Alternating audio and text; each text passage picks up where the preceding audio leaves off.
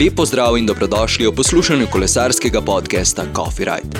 Moje ime je Uroš in v tej epizodi sem govoril z Žigo Jermanom. Žiga je profesionalni kolesar. Poprisluhnimo, kaj mi je povedal. Če ti je podcast Coffee Ride všeč, se naroči na Apple Podcasts, Google Podcasts, Spotify, Anchor in na trikrat vojni web.coffeeride.com. Takole, danes z mano Žiga Jerman. Lepo zdrav, Žiga. Uroš, čau. Kako je v teh časih, kako si, kako preživljaš dneve?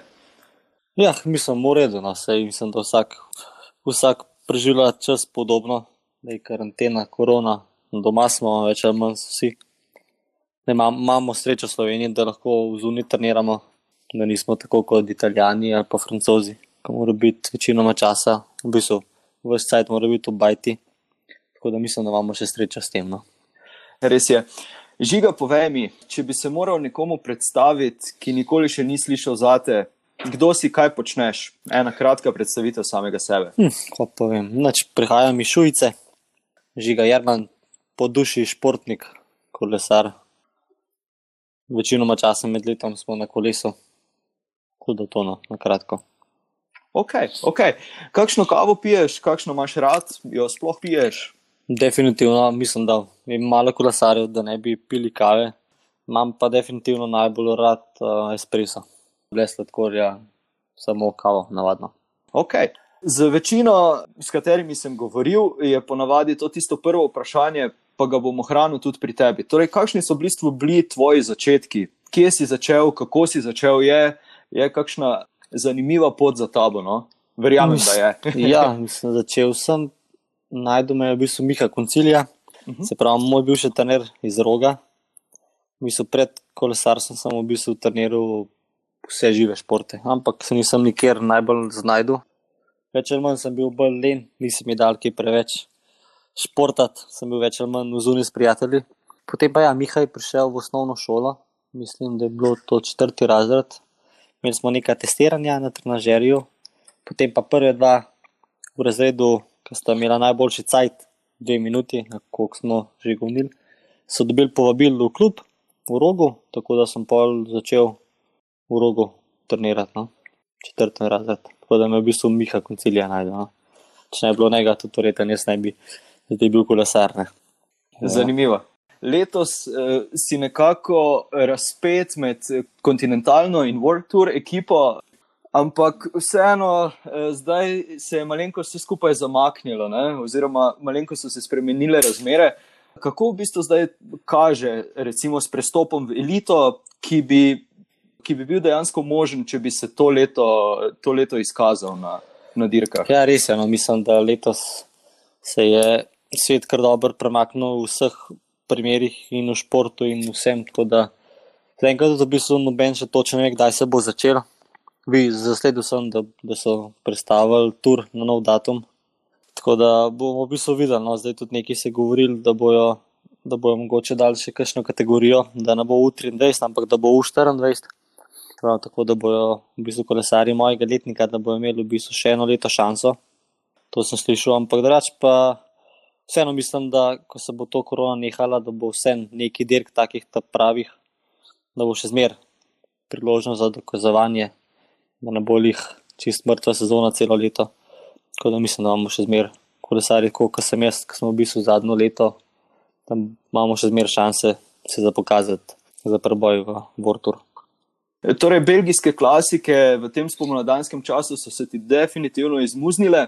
Kakšni so bili še v bistvu drugi načrti za letošnje leto zate? Kakšen bi bil razpored uh, dirk, če bi se vse skupaj idealno odvilo? Mislim, definitivno je bil moj velik cilj sezone, so bile belgijske klasike, pa Nation Cup. Vzeli bi v bistvu po Hrvaški, ki so v bistvu nam skenslali iz Trio. Bi imel tri dirke z Vorturom v Belgiji, kjer letos je bil nov pravil.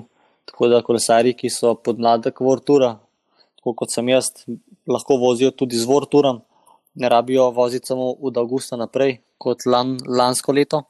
Tako da bi v bistvu po Hrvaški bi šel za en teden v Belgijo in bi tam vozil tri dirke z Vorturom, potem bi šel pa direktno z našo reprezentanco na Gent.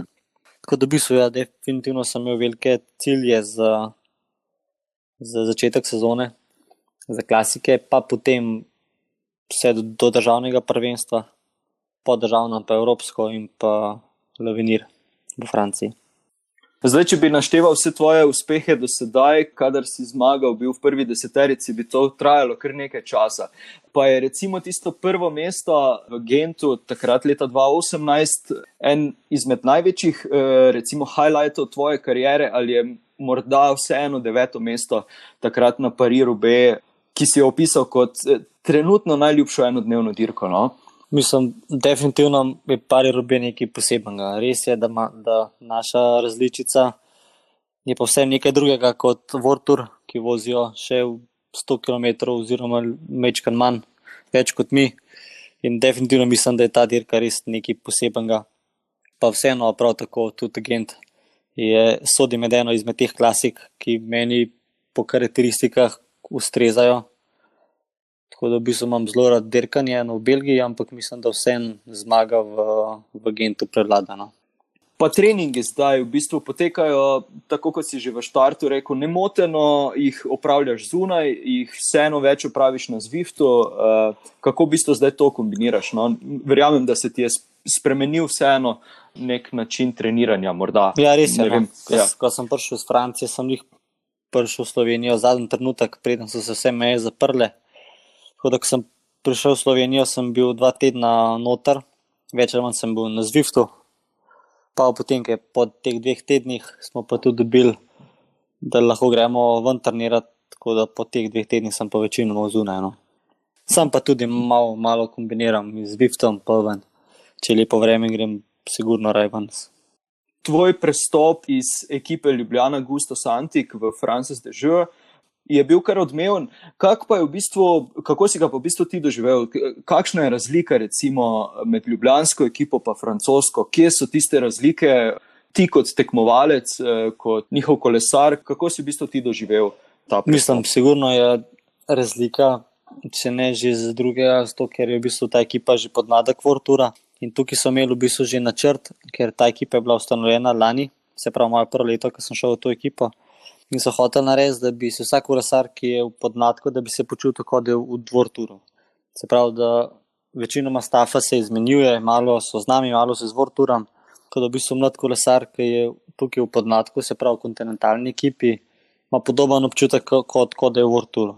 Tako da bistvu je to v bistvu največja razlika med Ljubljano, Rogom, ki je tako super ekipa, ali pa potem z francosko ekipo. No da imaš res občutek, tudi če nisi vrtur, da je zelo vse poštiman in v bistvu misliš, da si vrtur. No. Tak plan so imeli v ekipi, da, da, da se vsak kolesar počuti čim bolj, kot da je to vrtur ekipa. So se morda spremenili tudi uh, recimo, pristopi k treningu? Je kakšna takšna posebna razlika, recimo, česar nisi bil v Ljubljani navaden, pa se je tukaj. Uh, pa se je tukaj pokazalo, oziroma izvedlo. Ja, res je. No, jaz, v eh, bistvu, ko sem bil v rogu, nisem tok. Imel sem vat meter, šele ko sem bil tretjo leto član, predtem sploh mi te številke niso neki velik pomenile. Tako da bi se največja razlika bila potem v treningih, da je trener vsak dan gledal, kaj si delal, kako si delal, zmeraj vse številke imajo na, imajo na razpolago, vse vijo, kako se ti obrača noga. Tako da v bistvu zdaj, no, zdaj to v bistvu največja razlika, so te številke in vatmetri. Trenirate morda tudi z, z žensko ekipo, tudi na ženskem področju so se mi zdi naredili v Franciji že en kar velik prestop k ženskemu dirkanju. No? Ja, res je. Na no, tem mestu, ki je živim v Franciji, v Besansonu, je tudi par ženski, ženskih kolesar, ki so v tej ekipi. Včasih, če imamo kakšno izjivožno, gremo ponovadi vsi skupaj. Drugač pa večinoma smo kar fanti sami treniramo. No? Kakšno pa je nasplošno počutje v ekipi, zdaj že znaš uh, več francoskih besed oziroma stavkov, kakorkoli? Ja, ja res je, no, moram reči, da francoski jezik ni lih, ni lih šala. V bistvu sem lažji, pa vendar je kar, je, moram reči, kar težko. No. Ampak tudi ekipa se zelo prilagaja.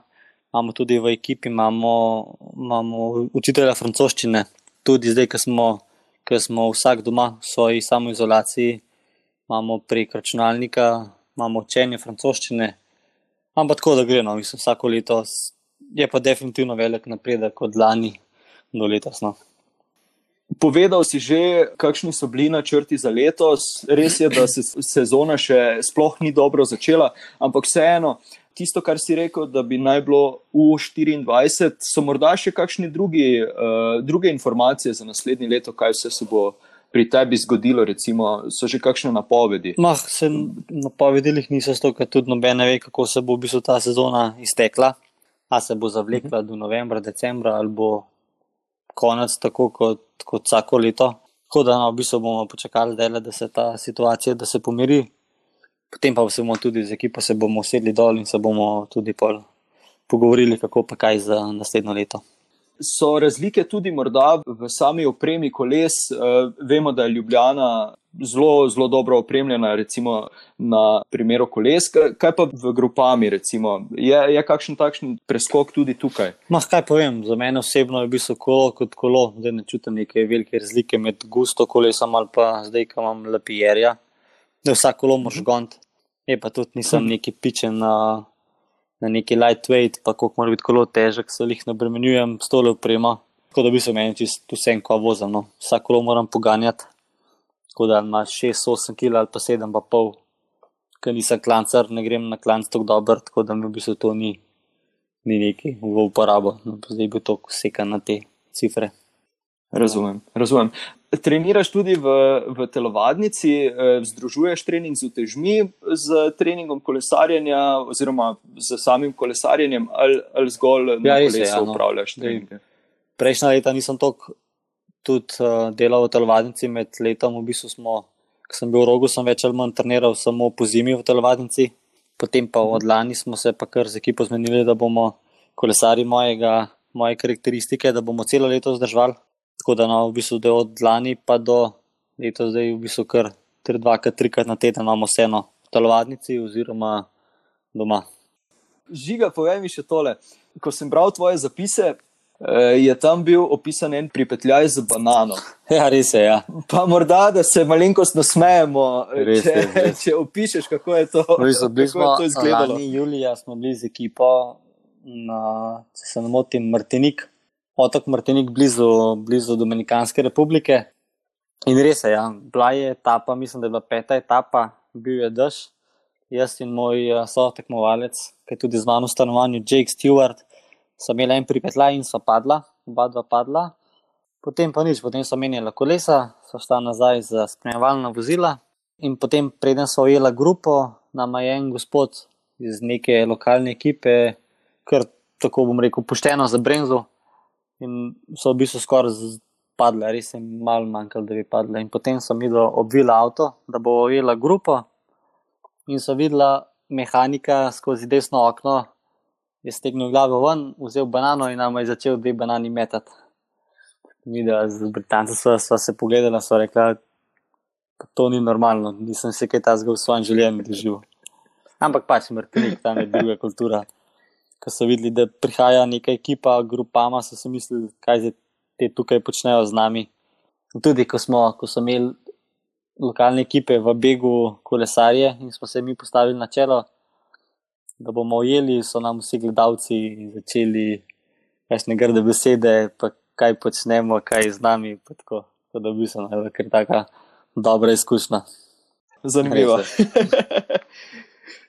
Verjamem, da jih je bilo kar nekaj. Kakšen pa je tisti tvoj ultimativni coffee ride? Torej, neka trasa, ki si jo že stokrat prevozil, pa si rečeš, da je še stokrat. Moj coffee ride je v bistvu štartamo doma, peljem se proti Pohovem, Gracu, naredim km, mislim, da je 23 km, sprav, če grem res počasi, je to 55 minut. Se ustavim pri rotarju v Podsmreki in sem potem tam eno uro, pa pol, in potem grem domov. To je to.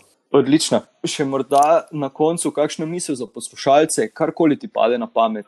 Ja, mislim, da je v tem primeru, ki je korona, je najbolj pomembno, da smo zdravi, da doma ostanemo, da poslušamo, kaj nam svetujejo, kaj moramo narediti mislim, da potem, ko se bo to umirilo, da bo vseeno ogromno časa, da preživimo zunaj s prijatelji in tudi konec koncev na kolesu. Tako da zdaj moramo pa samo potrpeti, da to le mine, potem pa spolno paro naprej. Super, žiga, najlepše ti hvala, hvala za ta pogovor. Ajde, čau, čau. čau, čau, adijo. Žigi, še enkrat najlepša hvala, da si vzel čas za pogovor z mano. Ne pozabi pa tudi postaviti svojega vprašanja. In sicer odklikaj na trikratvojnive.coffeeright.com pošiljnica vprašaj, kjer lahko postaviš svoje vprašanje, na katerega bo predvsem Simon Cirnski iz Pulse Performance odgovoril v enem izmed naslednjih podcastov. Mi se ponovno slišimo prihodnji petek.